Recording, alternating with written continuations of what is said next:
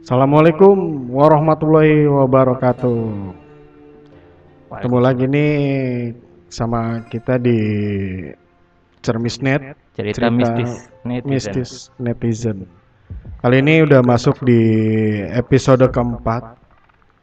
Setelah kemarin ada episode 1, 2, dan 3 itu ada satu dan dua itu cerita di salah satu kaki gunung lah di Jawa Barat. Yap. Yang ketiga itu itu cerita pengalaman pribadi gue yang di pulau.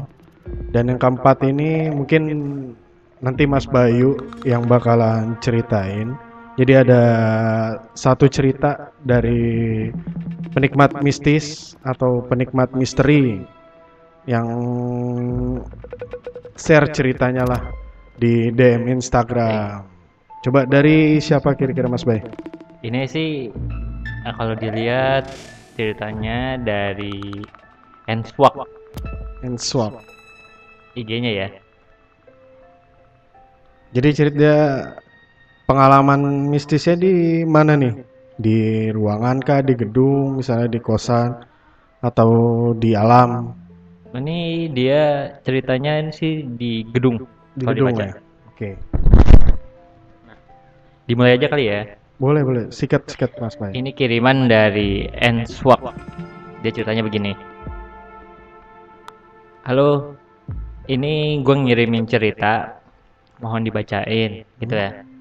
Jadi gini sekitar beberapa tahun lalu saat gue baru mulai kerja di salah satu kantor di sekitar Meruya Jakarta Barat kantor ini itu berbentuk bangunan ruko tepatnya di pinggir tol Kebun Jeruk Tangerang pada suatu hari, kita semua harus lembur karena ada barang-barang datang dua kontainer.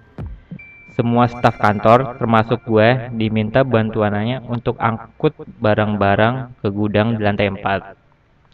Saat itu, kita baru mulai naikin barang estafet dari lantai 1 ke lantai 4 jam 18.00. Sampai akhirnya jam 23.00 Oh, berarti jangkanya panjang juga ya kerja baktinya ya. kerja bakti.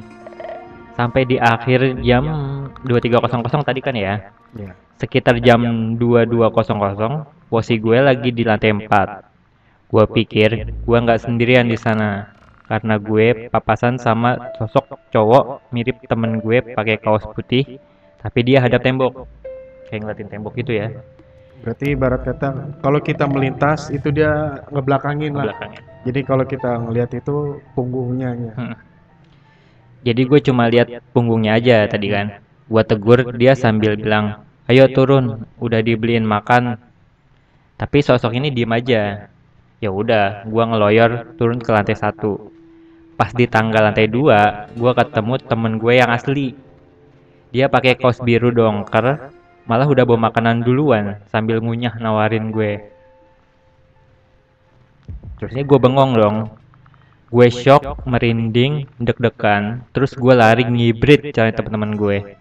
Mereka bingung pas gue cerita mau nangis, ternyata temen gue cowok yang asli itu udah ada di bawah dari tadi. Mereka bingung, kok tumben gue berani banget ke lantai 4 sendirian. Dan saat yang bersamaan, gue turun ke lantai 3, ada sosok mirip bos gue, bule. Gue jalan ke arah toilet, dia pun ada di toilet-toilet itu. Gue nggak tegor lah karena gue pikir emang mau ke toilet. Eh pas gue turun ke lantai 2, bos gue lagi makan di situ juga. Mulai panik lah gue. Masa dalam waktu bersamaan gue nemuin sosok mirip dua orang yang gue kenal di lantai 4 sama di lantai 3. Padahal untuk turun dari lantai satu untuk turun dari lantai 4 ke lantai 1 cuman ada satu jalan yaitu lewat tangga yang gue laluin. Teman-teman gue bilang mungkin karena udah pada malam jadi banyak yang muncul nyerupain orang-orang. Asal mereka nggak ganggu ya nggak apa-apa tetap lanjut.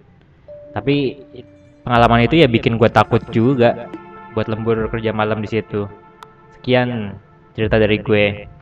Terima kasih Jadi Mbak Endang ini melihat dua sosok yang menyerupai temennya dan bosnya ini ya. Iya. Yang satu cowok, yang satu bule. Oke, karena bosnya ini bule gitu. Bule. Yang gue bingung gini, kalau si setan itu nyerupai bule, diajak Hmm. ngomong, dia bahasanya apanya ya? Bahasa kalbu mungkin. Bahasa kalbu ya. Bisa jadi. Mantap juga sih. Nah ini mungkin cerita Mbak Endang Eh, ceritanya sih menurutku serem juga ya. Dia Gua juga- luka baru. pernah sih ngerasa ngalamin juga kayak gitu tapi dari temen gue. Apa tuh? Karena gue sebelumnya kerja di salah satu pabrik lah di daerah Depok dan itu kejadiannya tuh sama Kayak gitu juga. Ah, melihat dua sosok. Jadi yang satu gue, Mm. nah yang satu ini nggak tau lah siapa itu. Hmm, Persis banget sama, nyerupain. bener. Jadi kayak gitu-gitu. Antara mau ditegur takut siapa gitu Iya. ya. Serem juga. Tapi kadang ada juga sih kayak teman-teman yang ngalamin hal yang sama. Jadi kadang kalau misalnya kita negor, dia pun nyapa juga. Nyapa. Ya nyapa juga sama cuma mungkin dari gestur mukanya ini Beda. beda. Beda. Nggak kayak yang asli gitu ya. Iya. Oke, untuk episode 4 mungkin kita akan akhiri di sini aja ya. Iya. Cerita dari Bang Opik akan kita lanjut di episode, Episode yang kelima.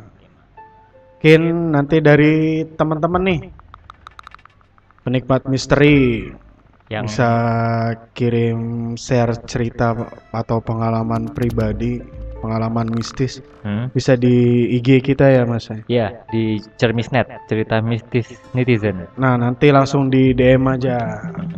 Atau Dan- bisa ke email. Iya, bisa ke email juga di mana Mas Bay? Cerita mistis netizen at gmail.com. Oke, jangan lupa like, comment, and skuribib. Skribib. Oke. Mantap. Eh, akhir kata, bila topik walidaya. Wassalamualaikum warahmatullahi wabarakatuh. Cermisnet pamit.